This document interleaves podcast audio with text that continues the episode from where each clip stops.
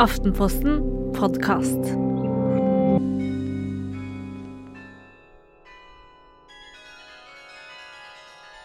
Det er jo veldig sånn å spille direkte sammen med vær og vind, og det er masse kråker og måker og der oppe. Og så er det alltid en død due på taket som er sånn fylleristet. Og masse fjær, fordi det er eh, en eller annen rovfugl som har valgt å, å eh, slå seg ned i tårnet.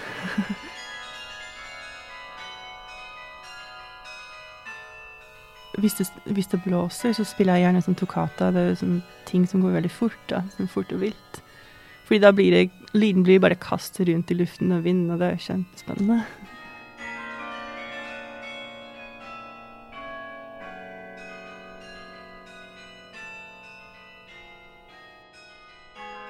Jeg trenger ikke en sånn stor gjeng som står foran meg og klapper, egentlig. Um, jeg tenker mer at det gir meg noe at det betyr noe for folk i hverdagen.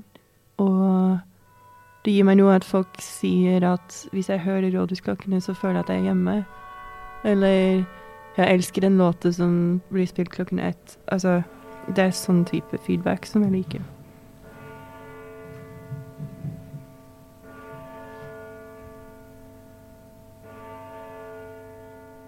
Noen av mine første minner er jo å spille, og da jeg var tre år, så husker jeg at jeg fant en akkord på pianotangentene som jeg kunne kjenne igjen fra gehøret. For min tante var sånn uh, organist, sånn hobbyorganist, eller sånn eh, Spilte mye piano og orgel hjemme og sånn. Og jeg ble så glad. Det er sånn et av mine første barndomsminner da jeg var sånn tre år, at jeg fant en C-dur. Og da jeg var seks år, så skjønte foreldrene mine at de kanskje skulle skaffe meg en lærer. Og så bare spilte jeg masse piano, og så var det litt klarinett og orgel og sånn. Men eh, det var ikke noe jeg tenkte at dette skulle skulle jeg gjøre som et konsertinstrument eller yrke eller noe. Men musikken var jo der hele tiden.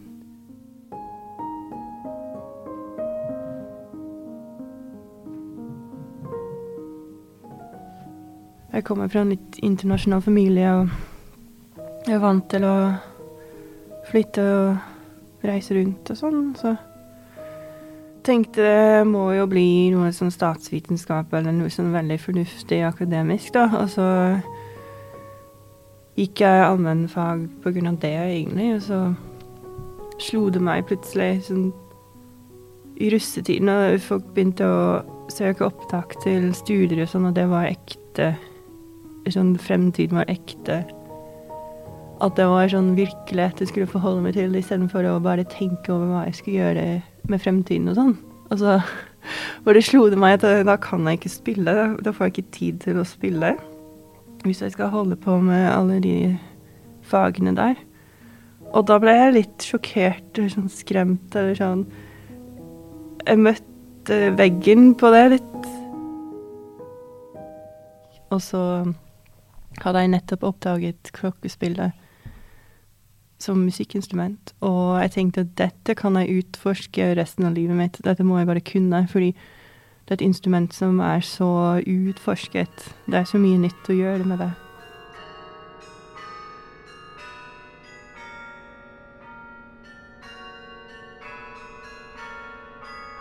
I 2002 så spurte jeg på rådhuset om det var klaviatur på klokken, om det gikk an å spille som et musikkinstrument, sånn som det klokkespillet jeg hadde sett før. Og det var det.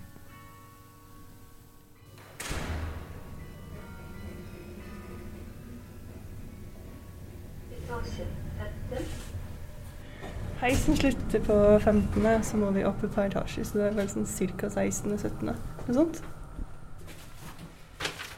Ja, skal vi se Jeg har eh, tangenter foran meg til føttene og hendene. Så har jeg vaiere fra de tangentene som går opp vertikalt gjennom taket. Og taket er litt lavt. Sånn. Um, det er skåret ut uh, til vaierne. Og så har jeg notene foran meg, så et stativ som jeg kan, kan rulle frem og tilbake. Fordi her er det litt store avstander på hvor jeg spiller på klavituret. Så hvis jeg spiller helt oppi her, så må jeg sitte litt langt til høyre. Hvis jeg spiller mye her, Så kanskje jeg må sitte litt langt til venstre.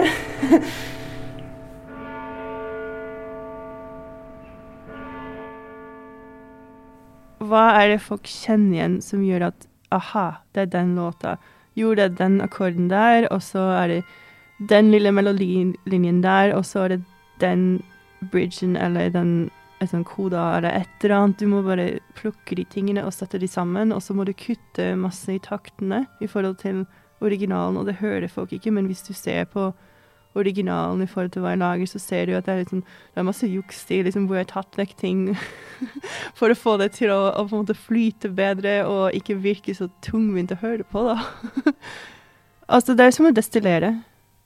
Det er som å destillere sprit, rett og slett, og du må ta Du må kutte heads and tails, og så må du ta hjertet.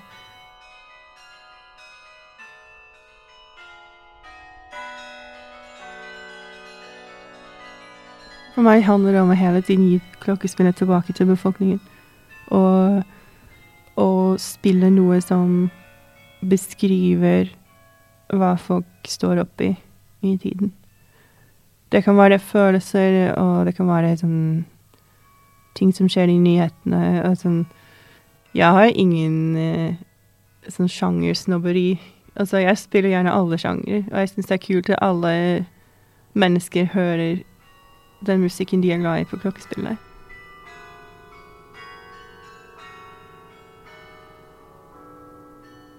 Altså, det med å markere forskjellige artisters bortgang og, og sånn For meg så handlet det om mange fasetter. Det er noen som har bidratt til moderne musikkhistorie. Uh, det er også å å se vanlige folk, og så se deres følelser og gjøre det noe for dem. At de føler seg sett, og, og at de får en markering for den sorgen de føler, og de minnene de har. Sånn, det er mye nostalgi, og det er mye sånn barndomsminner og ungdomsminner. Og liksom Og jeg hørte alltid på Prince da jeg var 15 år, og sånn, alle de minnene kommer frem da. Jeg spilte Changes av David Bowie, og så spilte jeg Electricity og Motorhead. Og Purple Rain av Prince. For den passer så bra på de dype klokkene. og også Leonard Cohen, så spilte jeg noen forskjellige låter, blant annet Halleluja og Anthem. Og for Jahn Teigen spilte jeg tre låter i fjor. Min første kjærlighet og Optimist. Og en til som jeg kan nynne, men jeg husker ikke navnet på. Jeg har ikke sovet.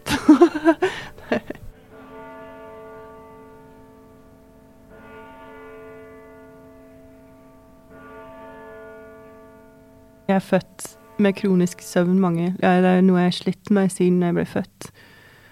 Og jeg kan ikke, jeg kan ikke jobbe så mye på dagen. Altså, da jeg var barn, så jeg gå på skolen, var det sånn Guantánamo-fengsel. Altså tortur. Altså søvnmangel, tortur. Sånn. Og jeg bare funker ikke så godt på dagen. Begynner gjerne en arbeidsdag eh, sånn ved åtte-tiden på kvelden. Og så hvis jeg har mye å gjøre, så jobber jeg kanskje til fire.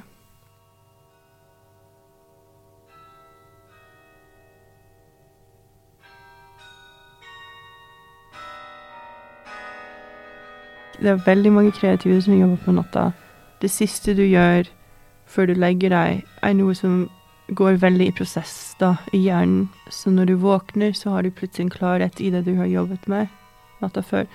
Det utnytter jeg veldig bevisst i jobben min. sånn at det siste jeg gjør før jeg går og begynner å legge meg, sånn, er helst å øve med masse kompliserte materiale. Fordi da, når jeg våkner, så vil jeg ha ny innsikt i det. Og hjernen vil ha jobb med det i løpet av natta. Så det, det bruker jeg veldig bevisst. da.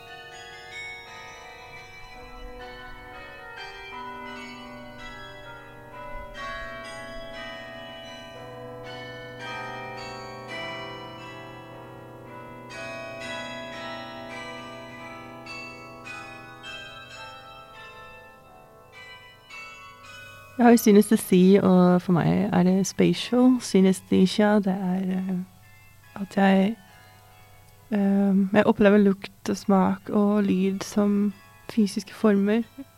Abstrakt geometri. Og de kan bevege seg eller plassere seg liksom, gjennom kroppen min, eller foran eller bak. Sånn. Eller danne et rom rundt meg. Sånn. Eller være sånn Egentlig sånn utrolig vakker form som beveger seg hele tiden og har forskjellige farger. Og jeg synes det sier veldig forskjellig fra person til person. Det er sånn ett sanseapparat. Det er ikke sånn du skiller mellom dette er hørsel, og dette er synet. Eller dette er lukt, og dette er smak. Så det er alt Alt snakker med hverandre. Og én sans skaper et utslag som er automatisk, så det er ikke noe med assosiasjoner å gjøre. Sånn, jeg lever ikke i en verden som består av masse assosiasjoner, sånn som altså tolkninger, sånn som mange snakker om. Synestesi er ikke noe man kan påvirke.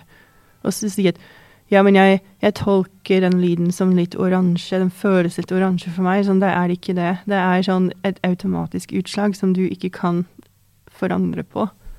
Og så ser jeg ofte toner som søyler, eller sånn streker, eller noe som det kan gå gjennom kroppen min sånn diagonalt, eller være foran meg eller bak meg, eller være en slags glassplate foran meg, eller hvis jeg går rundt i byen, så vet jeg at nå kommer jeg til å gå rundt i byen, og det er noe jeg har lyst til å gjøre, så jeg, jeg har liksom lært å på en måte tune meg litt ut. Men når jeg setter meg i klaviatur og begynner å øve, så, så åpner jeg sansene veldig mye, og da får jeg sånn full tilgang. Men hvis jeg har en periode hvor jeg øver veldig mye, sansene så åpner at jeg må jeg må skjerme meg litt fra folk som ikke smører bremseskivene og lager stygge lyder og sånne ting.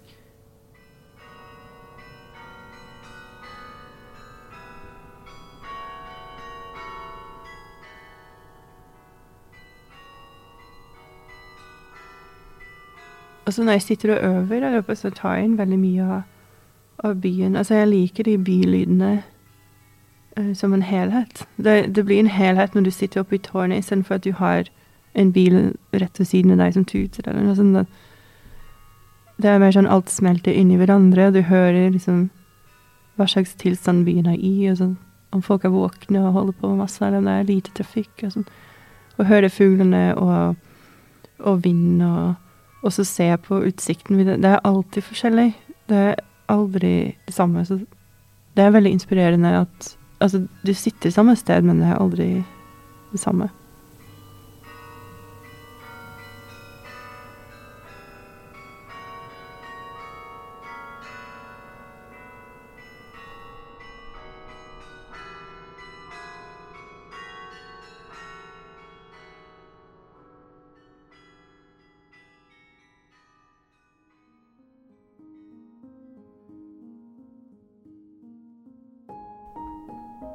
Du har hørt Laura Marie Rueslåttens historie her i Aftenpostens podkast Folk.